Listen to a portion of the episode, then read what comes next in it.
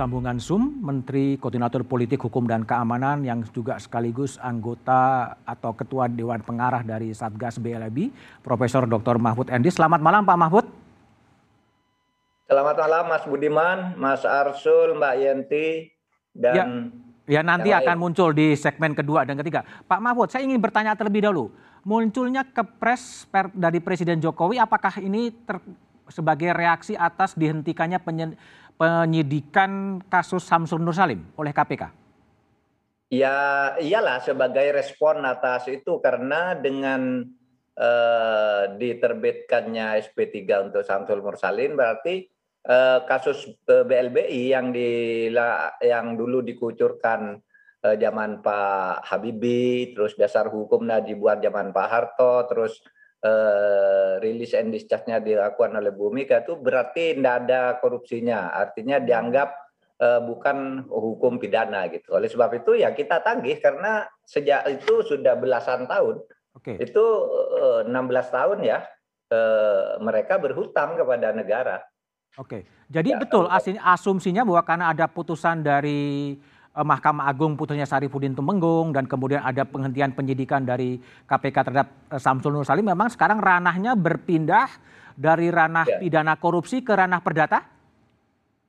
Iya, korupsinya menjadi tidak ada, bukan berpindah. Kita tidak memindahkan karena pada dasarnya ini kan memang perdata kan dulunya. Lalu di dalam pembuatan kesepakatan perdata itu keluarnya SKL itu diselidiki ternyata katanya ada korupsinya. Ya kita biarkan dulu perdata yang lain kan. Kalau nanti betul korupsi kan semua tidak boleh diteruskan. Hmm. nah ternyata ini tidak ada tidak ada uh, pidananya menurut uh, putusan MA oleh sebab itu ya kita eksekusi dulu perdatanya gitu aja.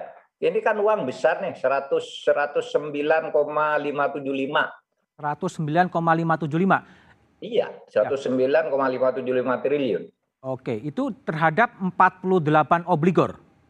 Dulu obligornya pada tahun eh, pada tahun 1998 bulan Desember tuh eh, 48 obligor. Okay. Nah, sekarang tinggal berapa obligor nanti kita lihat dulu lah. Karena ada sudah yang yang yang sudah lunas kan? Oke. Okay. Eh, ada beberapa sudah lunas mungkin banknya sudah sudah anu sudah tidak menjadi anu lagi sekarang okay. jaminan aset. 110 triliun itu adalah uang yang dikucurkan negara kepada bank-bank yang pada waktu di take over atau kerugian negara Pak Mahfud?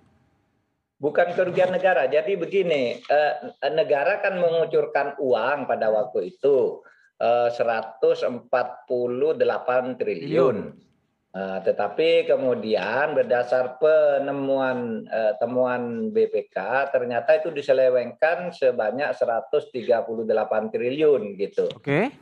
Nah, uh, kan lalu negara menagih hmm. terhadap itu, menagih semua dapat uang yang dijaminkan ke negara oke lah nih saya mau bayar hmm. ternyata dari kucuran uang yang eh, kalau kalau seluruhnya itu di dalam catatan negara memberi talangan dana itu 670 triliun loh 677 okay. triliun hmm. Eh, ternyata eh, menghimpun dana cuma 109 karena pada waktu itu ya memang negara untuk menyelamatkan ekonomi okay. eh, negara dalam arti pemerintah yang lalu ya. Hmm. Kita ini akan hanya meneruskan aja daripada hilang sama sekali. Okay. Ini yang ada yang ada jaminannya ini kita buru sekarang meskipun sudah mulai ber uh, karuan nih jaminannya. Ada yang dulu dijaminkan di Indonesia barangnya sekarang dan tidak ada. Hmm. Ada yang dulu dijaminkan oleh si A ternyata digugat ke pengadilan oleh si D ya. lepas dari si A. Itu banyak yang begitu. Ada 12 jenis Eh, problematik dalam tagihan-tagihan ini. Oke, persisnya Pak Mahfud itu kan Satgas ada apa pelaksananya Pak apa Rio Silaban, apa persisnya ya. yang akan dikerjakan oleh Satgas terhadap obligor-obligor itu? Menagih, menagih. Jadi tahun eh, tahun ini misalnya akan menagih uh, yang uh, utangnya itu 50 50 miliar lebih ke atas gitu. 50 miliar ke atas. Pilih satu-satu. Oke. Okay. Iya dan ada yang triliunan ya. Pokoknya hmm. yang 50 hmm. miliar. Nanti yang ke yang pada tahun berikutnya kita sisir yang punya hutang antara 5 sampai 50 miliar. Yang berikutnya yang kecil-kecil yang yang di bawah 5 yang di bawah 5 miliar gitu.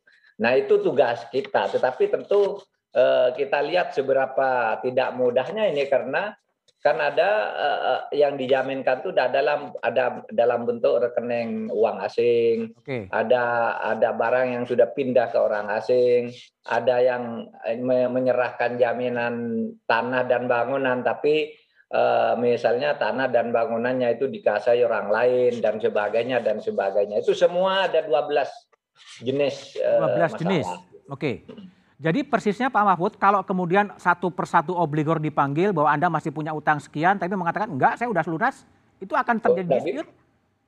Iya, kalau gitu kan ada ada surat pengakuan hutang, okay. iya kan? Ketika nerima eh, apa bantuan likuiditas Bank Indonesia kan dia nerima uang, lalu ada tanda terima bahwa hmm. dia berhutang begitu dan akan berhutang kepada negara, akan membayar kepada negara hmm. dengan jumlah yang yang tentu kemudian menjadi lebih kecil karena negara waktu itu ingin menyelamatkan perbankan. Okay. Nah, surat pengakuan hutangnya itu nanti yang kita kejar. Gitu. Okay. Pak Mahfud, kalau saya baca wawancara Pak Mahfud di Kompas, ada salah satu alternatif yang diambil adalah Gesling, ya Sandra. Ya. Itu sampai sebatas apa? Paksa badan itu akan diterapkan pada obligor yang tidak kooperatif? Ya, ya sebatas menurut hukum kan. Misalnya saya punya utang, lalu saya tidak mau membayar gitu, eh, saya mangkir dan sebagainya, tidak eh, mau menyerahkan, menyembunyikan harta, ya kita tahan kan ada di dalam hukum perdata tuh giseling namanya. Oke. Okay. Tetapi bukan tidak mungkin deh, bisa bukan tidak mungkin ya. jadi pidana. Kalau dia menyerahkan jaminan barang ternyata itu milik pada saat dia menyerahkan ternyata sudah dia jual ke orang lain itu itu sudah menjadi tindak pidana lagi. Oleh sebab itu eh, kita ada jam datun di di situ ya. Eh, yang akan juga ikut menangani begitu. Artinya terbuka kemungkinan masuk ke ranah pidana lagi ya, pidana penipuan atau pidana penggelapan gitu ya? Ya bisa, bisa, bisa masuk ke situ. Dan dan eh, korupsinya pun kita tidak nutup kalau ada, kenapa gitu. Yang penting yang ada nih perdatanya kita selesaikan dulu. Kalau ternyata nanti proses peralihan dari perdata itu. Lo ditemukan. Oh ini ada eh, penipuan dan macam-macam. Ya silakan. Kan bisa eh, apa namanya sebuah perjanjian perdata itu meskipun sudah eksekusi kalau cacat hukum kan bisa di bisa ditindak secara hukum lagi kan. Kayak orang menjual tanah. Hmm. cacat hukum seperti punyanya Dinopati Jalal itu. Kan ya. kan diproses pidana kemudian meskipun sudah meskipun dianggap ada sertifikat sudah dikeluarkan oleh BPN dan sebagainya. Pak Mahfud, ada satu juga isu yang soal rilis and discharge dan surat keterangan lunas. Dan dalam ya. rilis and discharge itu dikatakan bahwa kalau memang obligor itu sudah memenuhi kewajibannya, sebetulnya pemerintah tidak akan menuntut secara pidana dan perdata. Sebetulnya duduk soal isu itu gimana Pak? Loh iya, kalau sudah memenuhi kewajibannya itu, artinya dia sudah membayar hutang berdasar nilai yang ditentukan eh, pada saat itu, kemudian membayar, lalu diberi surat keterangan lunas ya kita tidak persoalkan. Ini ada orang yang punya utang, ngaku punya utang, memberi jaminan, tapi belum dieksekusi. Hmm. Misalnya ada yang menyerahkan, ya, ada yang menyerahkan sertifikat tanah dan bangunan mewah gitu ya. Nah itu kan belum ada hanya diserahkan aja sebagai jaminan, tapi belum ada peralihan kepada negara. Itu hmm. kan kan belum bisa jadi uang, belum bisa jadi aset aset negara. Ya. Sebelum dialihkan secara resmi itu kan baru menjamin aja. Ya. bahwa ini barang saya gitu. Pak Mahfud, Tapi kalau yang sudah dapat SKL, hmm? ya sudah selesai dong secara hukum. Surat keterangan lunas itu sudah selesai. Oke. Ini yang masih punya utang punya utang belum lunas nih. Yang 109 itu yang dihitung oleh pemerintah itu yang belum dipenuhi kewajibannya ya. oleh para obligor ya? Iya, iya. Belum dipenuhi. Termasuk di, di situ masih ada Samsul Nur Salim besar juga di situ. Kan Samsul Nur Salim itu memang punya utang, tetapi ketika dia membayar membayar dan memberi jaminan itu dianggap kolusi, dianggap kolusi, dihukum di pengadilan negeri, pengadilan tinggi, tapi di MA bebas. Hmm. Nah berarti ini kembali ke perdatanya aja, yang dijaminkan ke negara apa dulu, utangnya ke negara apa secara perdata, kita ambil itu. Oke, Pak Mahfud, memang tadi Pak Mahfud di pengantar mengatakan ini sampah kasus lama yang apa terbawa sampai pemerintah yang ada sekarang. Sebetulnya ya apa yang terjadi ini ada 109 uang negara yang belum dikembalikan tapi dibiarkan baru pada era sekarang kemudian ditagih. Apa yang terjadi sebetulnya? Ya kalau kalau Anda tanya kepada pemerintah sekarang, Kok baru ditindak sekarang ya? Karena pemerintah baru baru sekarang menjadi pemerintah. Dulu kan tidak jadi pemerintah. Hmm. ya, mestinya ditanya ke pemerintah yang dulu dong yang begitu itu. Hmm. Kenapa baru ditagih? Tapi saya bisa menjelaskan begini, Kok pahami ya. Eh, pada tahun 98 itu kan eh, pemerintah lalu mengeluarkan kepres tentang BPPN tentang ya. jaminan eh, kepada bank perbankan nasional.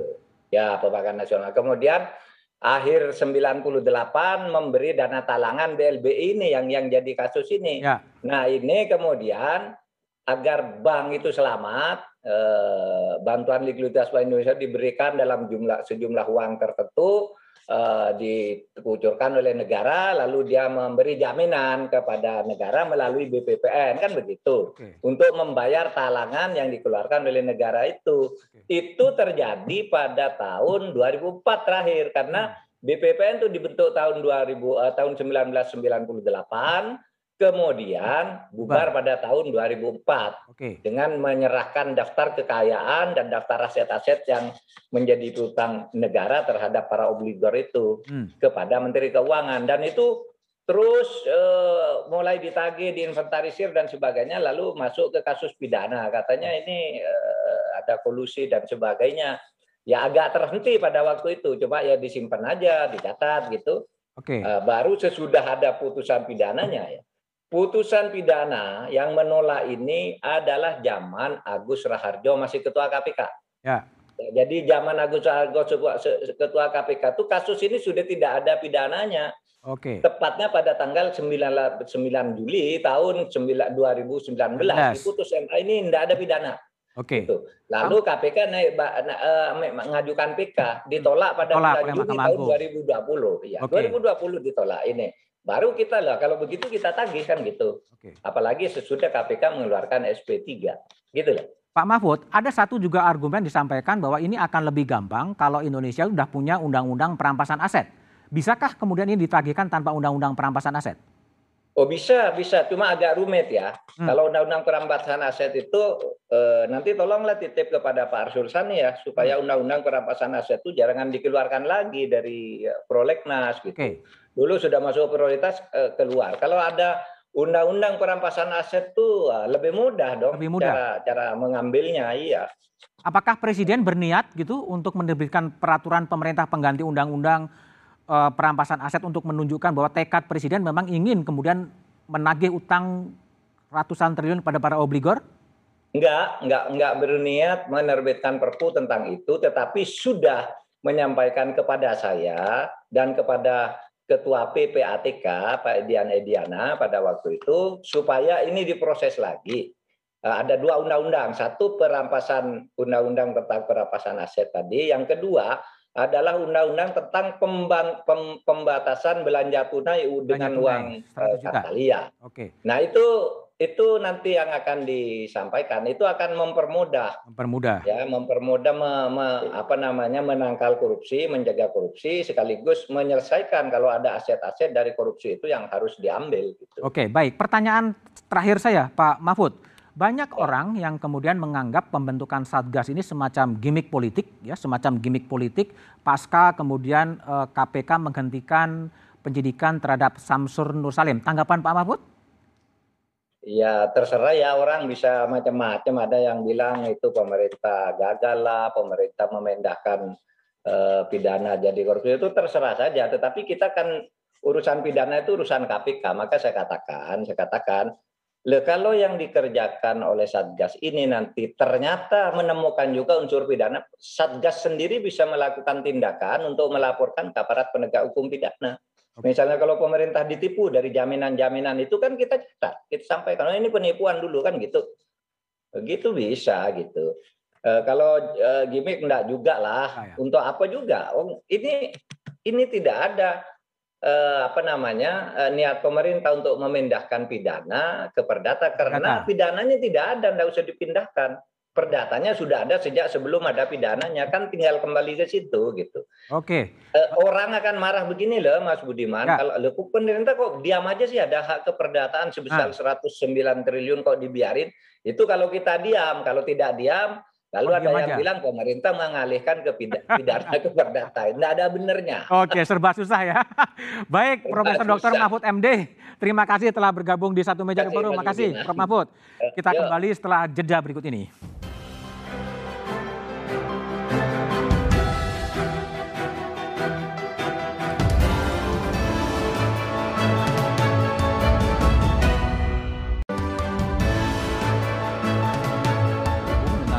Negara narasumber yang lain.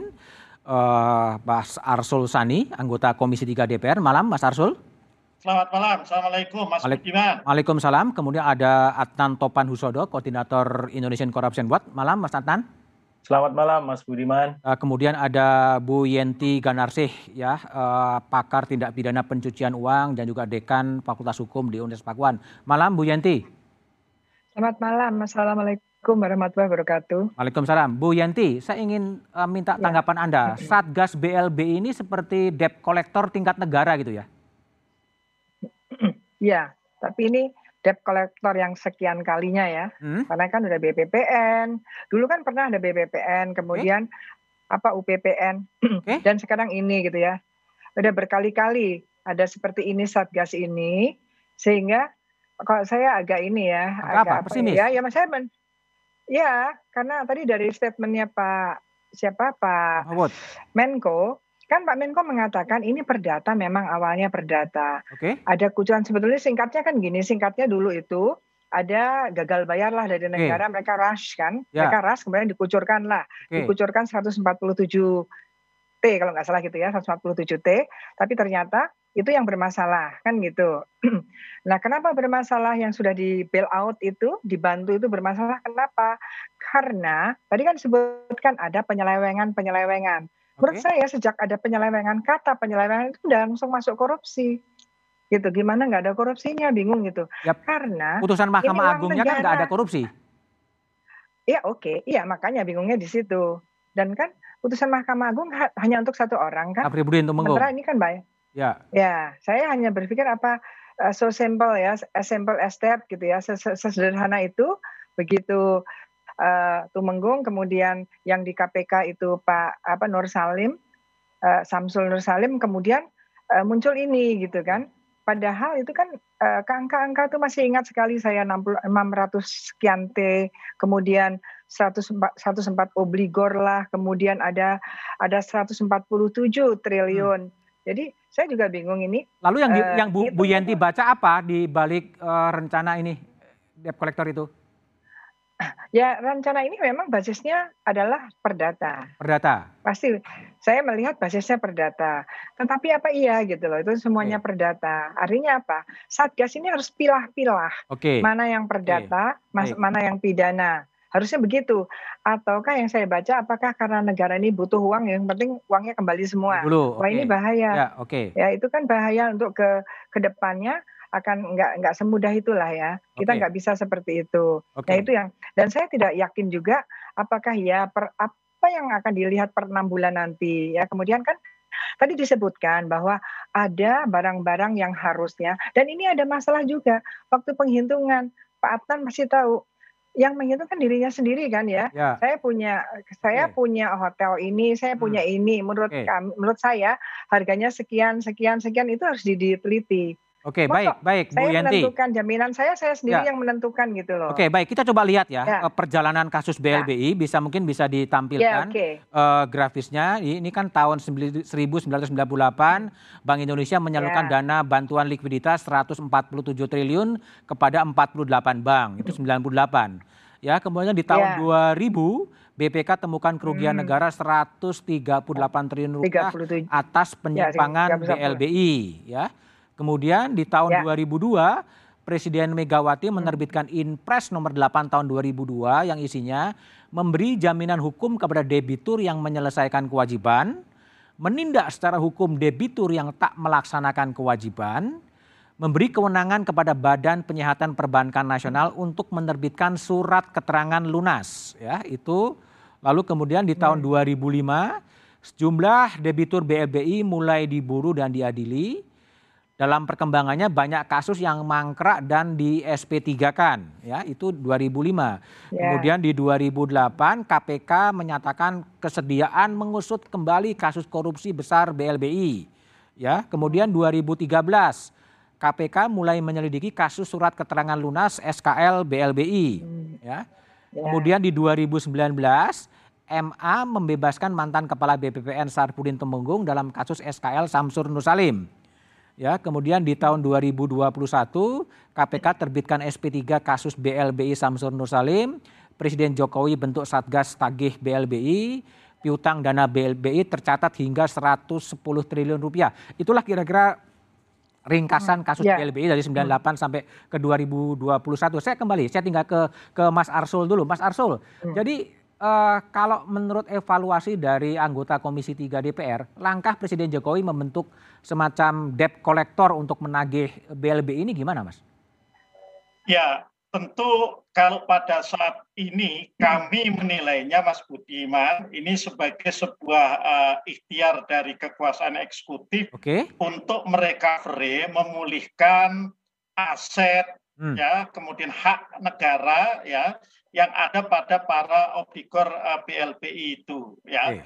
Tentu kita apresiasi dari sisi itu, tetapi okay. kita juga harus yeah. ingatkan kepada pemerintah ya agar ini tidak sekedar menjadi yang tadi Mas Budiman sampaikan gimmick. Gimmick bahwa jalan untuk melakukan recovery itu ya uang dengan pidana saja kita kesandung-sandung hmm. ya apalagi dengan perdata okay. ya dan itu hmm. tidak mudah karena itu menurut saya uh, pemerintah uh, termasuk Pak Menko Polhukam kita harapkan juga tidak kemudian memberikan kesan ya bahwa ini sesuatu yang bisa dilakukan dan kemudian akan katakanlah menemukan jalan yang mulus semulus hmm. uh, jalan tol kita itu hmm. ya.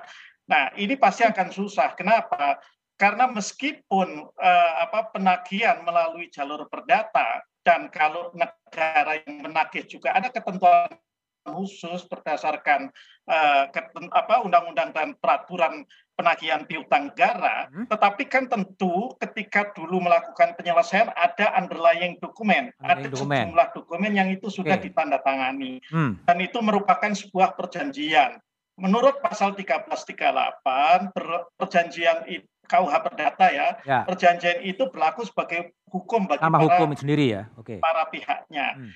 Nah, jadi eh, apa meskipun kita hemat saya kita harus dukung ini sebagai sebuah ikhtiar untuk recovery, tetapi kita juga sekali lagi harus sampaikan kepada pemerintah agar kemudian eh, apa eh, tidak kemudian seolah-olah ini pekerjaan yang Nampak. akan mudah dilakukan. Itu hmm. itu catatan pertama yang ingin kami uh, okay. berikan dan yang kedua saya setuju dalam perjalanannya kemudian jika kemudian ditemukan ya sesuatu yang dari sisi analisis pidananya apalagi pidana korupsi itu bisa uh, dilakukan penindakan ya harus dilakukan. Hmm. Saya sampaikan bahwa sebuah putusan Mahkamah Agung dalam kasus Saprudin Temenggung hmm. itu jangan kemudian dijadikan sebagai binding semuanya ya karena negara kita ini tidak menganut asas jurisprudensi tetap, tidak hmm. menganut prinsip binding precedent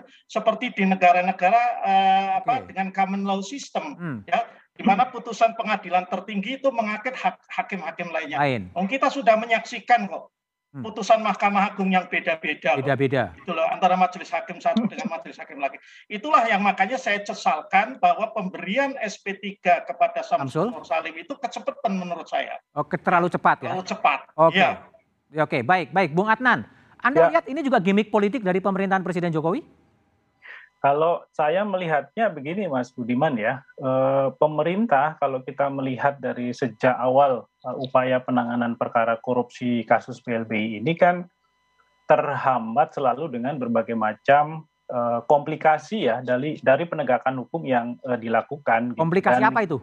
Komplikasi itu menyangkut soal masalah di internal penegak hukum sendiri yang tidak firm dengan uh, isu uh, apa anti korupsi dan integritasnya. Kemudian juga kita tahu bahwa sebagian besar mereka-mereka uh, yang menjadi obligor uh, BLBI juga punya uh, relasi ya dan hubungan yang cukup uh, dekat dengan para elit pemerintah. Ya sehingga kemudian jalan konfrontasi itu uh, menghadapi berbagai macam uh, persoalan dan itu yang yang kita hmm. amati juga akhirnya dalam kasus terakhir yang ditangani oleh KPK. Nah, uh, jalan pragmatis yang kemudian diambil oleh pemerintah hari ini adalah dengan mengeluarkan Kepres nomor 6 tahun uh, 2021 okay. yang mana sebenarnya kalau kita lihat dari uh, usia berlakunya uh, Kepres ini juga sangat singkat 2023 sampai 2023 ya? gitu. Okay. Saya tidak terlalu yakin dalam kurun waktu sekitar dua tahun okay. pemerintah sudah bisa misalnya merecovery 110 triliun dana yang dianggap sebagai uh, hak yang masih bisa ditagih oleh uh, pemerintah hari ini. Ini sebetulnya kalau menurut Anda, Adnan, ini ya. satgas yang dibentuk ini sebetulnya apa? Memang semacam gimmick politik daripada kemudian pemerintah tidak ngapa-ngapain? Atau apa sebetulnya? Kalau tadi analisa Anda kan obligor BLB ini terkait relasi-relasi politik dengan kekuasaan sebetulnya. Hmm.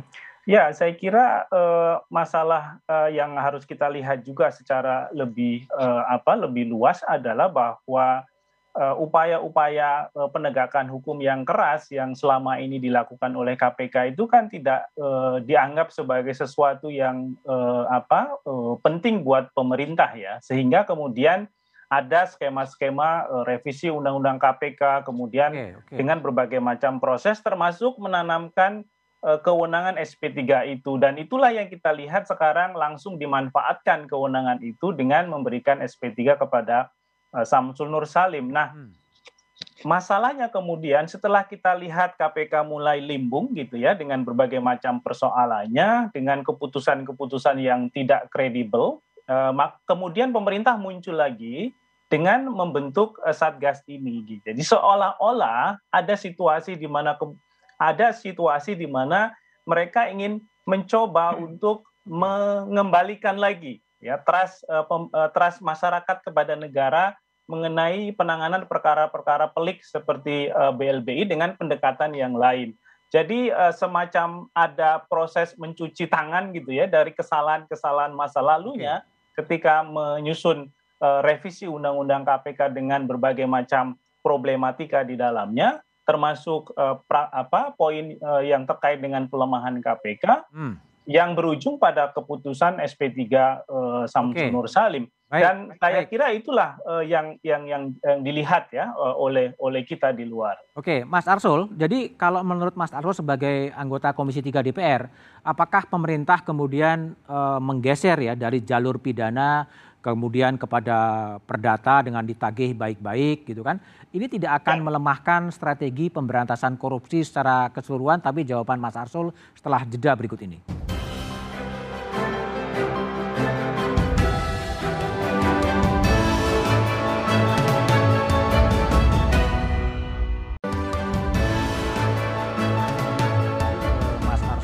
Mas Arsul. Uh, apakah perubahan paradigma dari pidana ke perdata ini secara keseluruhan tidak akan melemahkan sebetulnya uh, negara dalam melawan korupsi dalam kasus BLBI, Mas?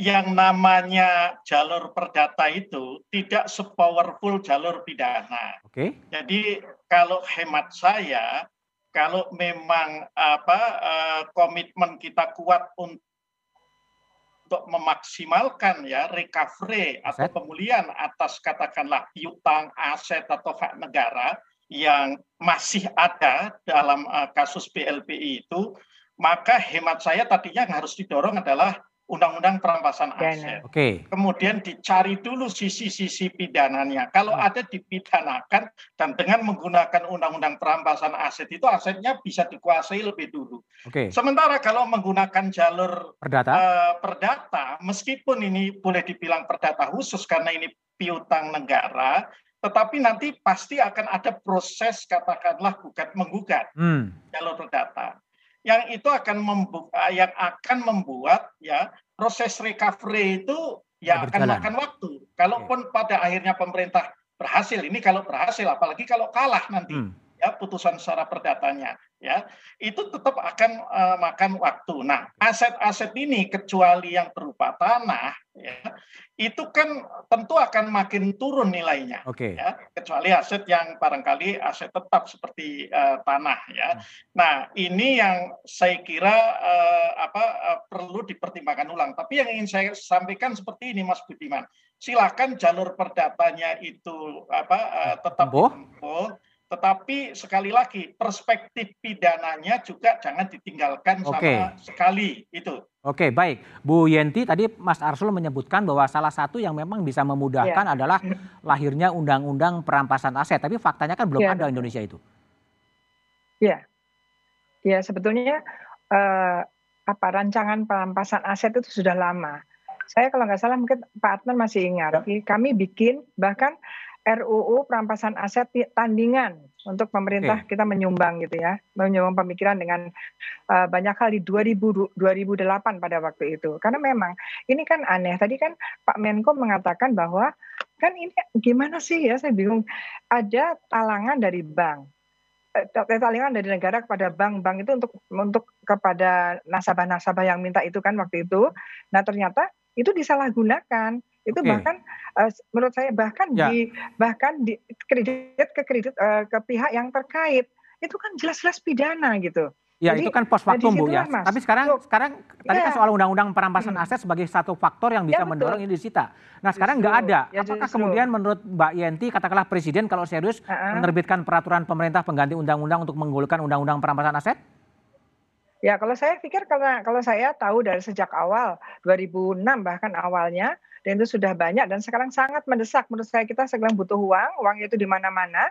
Kita butuh sekali undang-undang perampasan aset, terutama untuk aset-aset di luar negeri. Yaitu misalnya kalau yang ini kan di ini kan banyak ya dipidanakan dulu. Jadi bayangan saya itu biasanya itu pidana pidana sudah putus yang belum bisa keambil diperdatakan kan ini kan kebalik kita perdata dulu nanti kalau ada pidananya baru dipitsuskan itu kan pemikirannya jadi kebalik gitu. Sampai kadaluarsa nanti ya hampir kadaluarsa. Jadi kurang uh, kurang setahun kalau nggak salah satu ya. tahun setengah hmm. itu kan sudah kadaluarsa.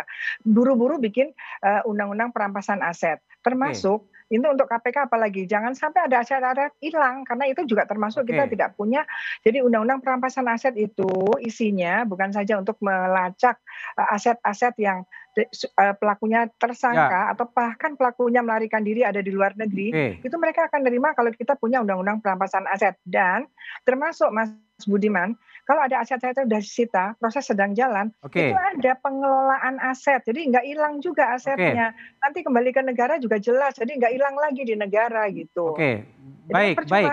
Baik, saya ke Adnan. Bung Adnan, ya. ini ya. kan apa uh, salah satu asumsinya kalau ada undang-undang perampasan aset sebenarnya lebih akan lebih gampang hmm. gitu kan. Nah, tapi kan sekarang faktanya hmm. itu nggak ada. Apa yang Anda sarankan kepada Presiden Jokowi atau kepada DPR soal undang-undang perampasan aset ini? Ya sebenarnya sih kalau dibahas cepat ya dengan memasukkan uh, ini sebagai salah satu hal yang uh, perlu dibahas uh, pada tahun ini itu juga bisa cepat kok Mas. Hmm. Karena beberapa undang-undang lain yang sebenarnya uh, colongan gitu ya, ya. sifatnya tidak di prolegnas, tapi kemudian karena ada kepentingan tertentu cepat Oke. kok itu waktunya ya? bisa dua bulan tiga bulan gitu ya. Bahkan revisi undang-undang KPK kemarin kan juga cepat, cepat. sekali. Ada kemungkinan Mas Arsul. Jangan bilang dipercepat undang-undang perampasan aset? Sangat mungkin. Jadi saya jelaskan uh, sedikit ya Mas Budiman. Di dalam prolegnas uh, jangka menengah 2020-2024, RUU perampasan aset itu Ada. merupakan RUU inisiatif pemerintah. Oke. Okay. Ya. Nah, memang tidak masuk di prolegnas prioritas 2021. 2021, tetapi prolegnas tahunan itu biasanya di tengah tahun kita revisi. Oke. Okay. Ya kita revisi ada yang masuk, ada yang dikeluarkan itu hal yang biasa. Okay. Nah, kalau pemerintah itu memang apa uh, punya komitmen yang kuat, ya tinggal nanti di bulan Juni kita revisi saja hmm. ya prolegnas tahunannya dimasukkan. Saya memang tidak bisa bicara atas nama sembilan fraksi di DPR, ya. tapi hmm. paling tidak fraksi P3 siap dan akan setuju dan hmm. uh, siap juga membahas. Bahkan kita berharap dua-duanya tidak tidak hanya undang-undang uh, perampasan aset tindak pidana tetapi juga uh, eh, RUU tentang pembatasan transaksi uang kartal itu hmm. yang juga sangat diperlukan itu yeah. bagi kita. Oke, Bung Adnan, jadi ini tergantung kepada pemerintah. Sebenarnya kalau pemerintah mau mengajukan ini ya DPR terbuka, wong mayoritas kekuasaannya berada di koalisi pendukung pemerintah sebetulnya. Betul, Mas. Eh, dan itulah kenapa kemudian eh, kita selalu bilang bahwa eh, kemauan politik itu akan hadir jika ada upaya-upaya konkret ya yang didukung juga oleh kebijakan yang kuat. Hmm. Nah, kalau kita bicara soal tadi kembali ke uh, apa uh, tim uh, Satgas debt collector, Satgas debt collector ini, kita melihat kan memang uh, ini baru sebatas ya hal-hal yang bisa dilakukan oleh pemerintah hari ini tanpa perlu bersinggungan untuk misalnya membangun kompromi-kompromi politik dengan uh, tim lain atau dengan uh, sektor lain seperti dengan legislatif atau kelompok yang lainnya gitu. Karena Apa? bicara proses legislasi itu kan bicara bagaimana kepentingan politik didiskusikan, hmm. dibahas dan disepakati.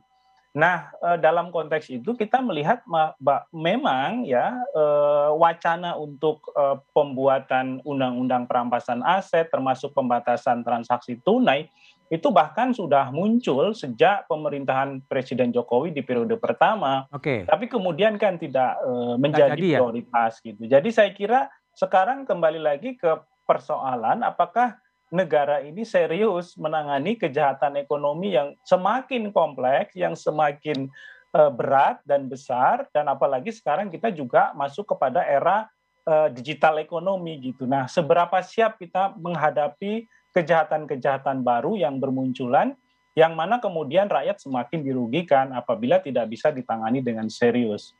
Oke. Mas Arsul, jadi ya. e, pertanyaannya adalah sebetulnya apa sih yang harus dilakukan oleh pemerintah sekarang? Karena kan tahun depan dia akan kadaluarsa ya, akan kadaluarsa, ya. ada keterdesakan waktu, undang-undang perampasan aset itu juga belum ada, disuruh bikin perpu juga ragu-ragu. Apa yang disarankan oleh Mas Arsul untuk agar dana ini bisa kembali tapi jawabannya setelah jeda berikut ini.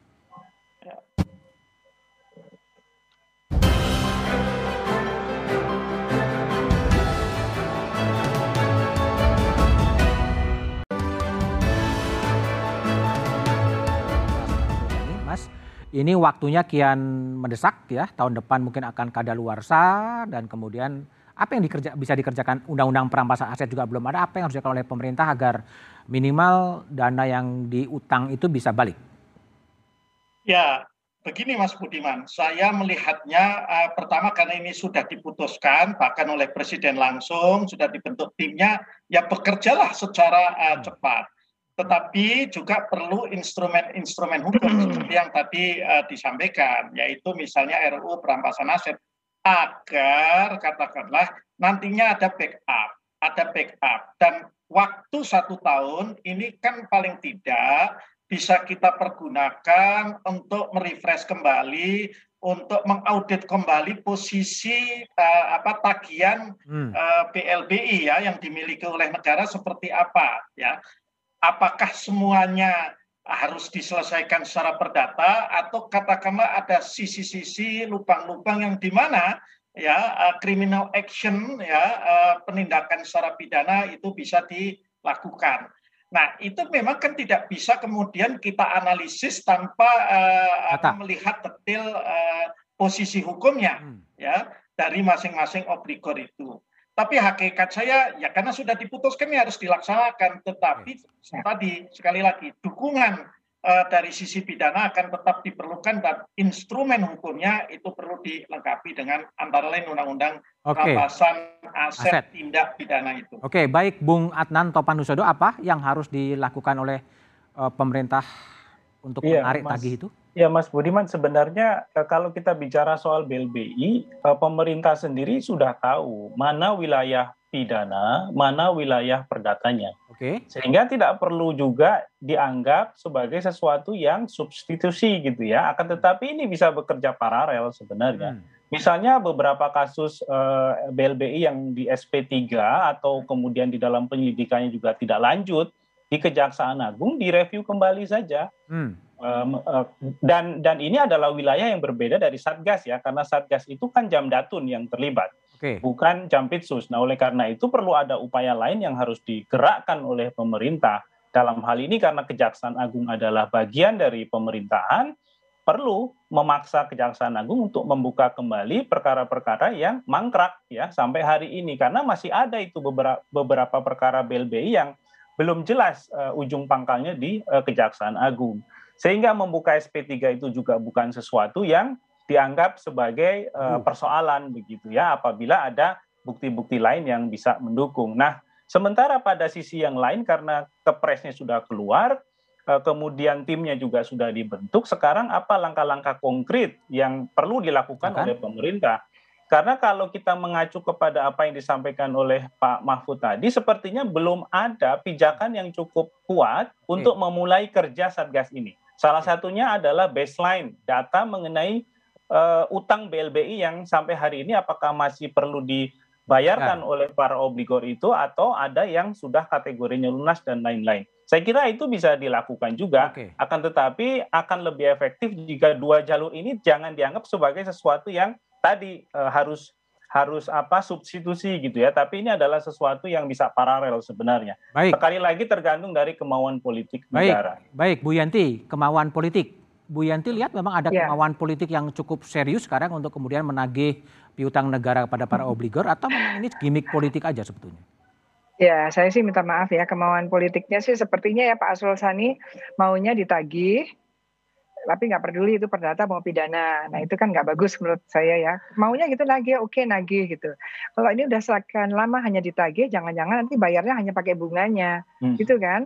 Nah ini kan sering terjadi. Sekarang betul Mas Adnan tadi harus sekarang itu mulai bikin skema apa yang mau dilakukan. Enam bulan sekali kan harus lapor nanti hmm. itu nanti kita awasi. Karena kan gimana pun juga ada catatan dari BPK 137 triliun pada waktu itu banyak itu untuk ya. beli macam-macam lumayan. Ya. Nah, kemudian kok sekarang menghitungnya 108 triliun, kemarin 109 triliun, sekarang 110 triliun. Apa? Kok tiap hari? Rubah. Nah, ini dasarnya apa gitu kan? Oke. Nah, ini apa? Kalau berkaitan dengan Satgas, ya, kita ingat ya berkaitan dengan pengucuran dana 147 triliun tadinya yang pertama kali itu kita sudah bentuk BPPN bermasalah. Kita bentuk PAA, nggak ada hasilnya. Kita bentuk unit pelaksana penjamin perbankan, nggak mana hasilnya. Sekarang Satgas, waktunya udah mepet. Nah, itu tadi. Uh, kemudian kita harus pikirkan itu tadi MLA mutual legal assistance on uh, this this case ya. Karena kalau tadinya saya berpikir MLA-nya mutual legal assistance on criminal matters because kita akan kerjasama uh, untuk membuat RU uh, membuat undang-undang perampasan aset, kita menggugat secara perdata, menggugat secara perdata uh, uang-uang yang dipermasalahkan secara pidana itu lebih mudah.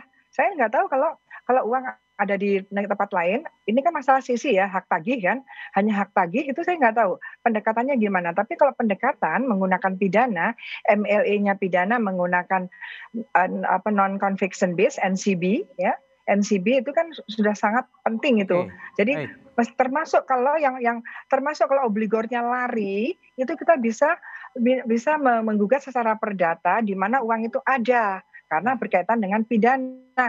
Jadi ini jalur-jalur pidana harus tetap digerakkan semuanya. Apakah itu Kejaksaan baik. Agung, apakah itu KPK, itu harus jalan. Baik, baik Bu Yanti, Bung Adnan, Mas Asul, terima kasih telah bergabung di satu meja The Forum.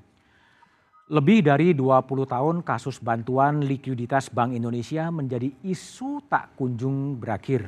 Adanya pergumulan hukum dan politik menjadikan kasus BLBI terus berlarut.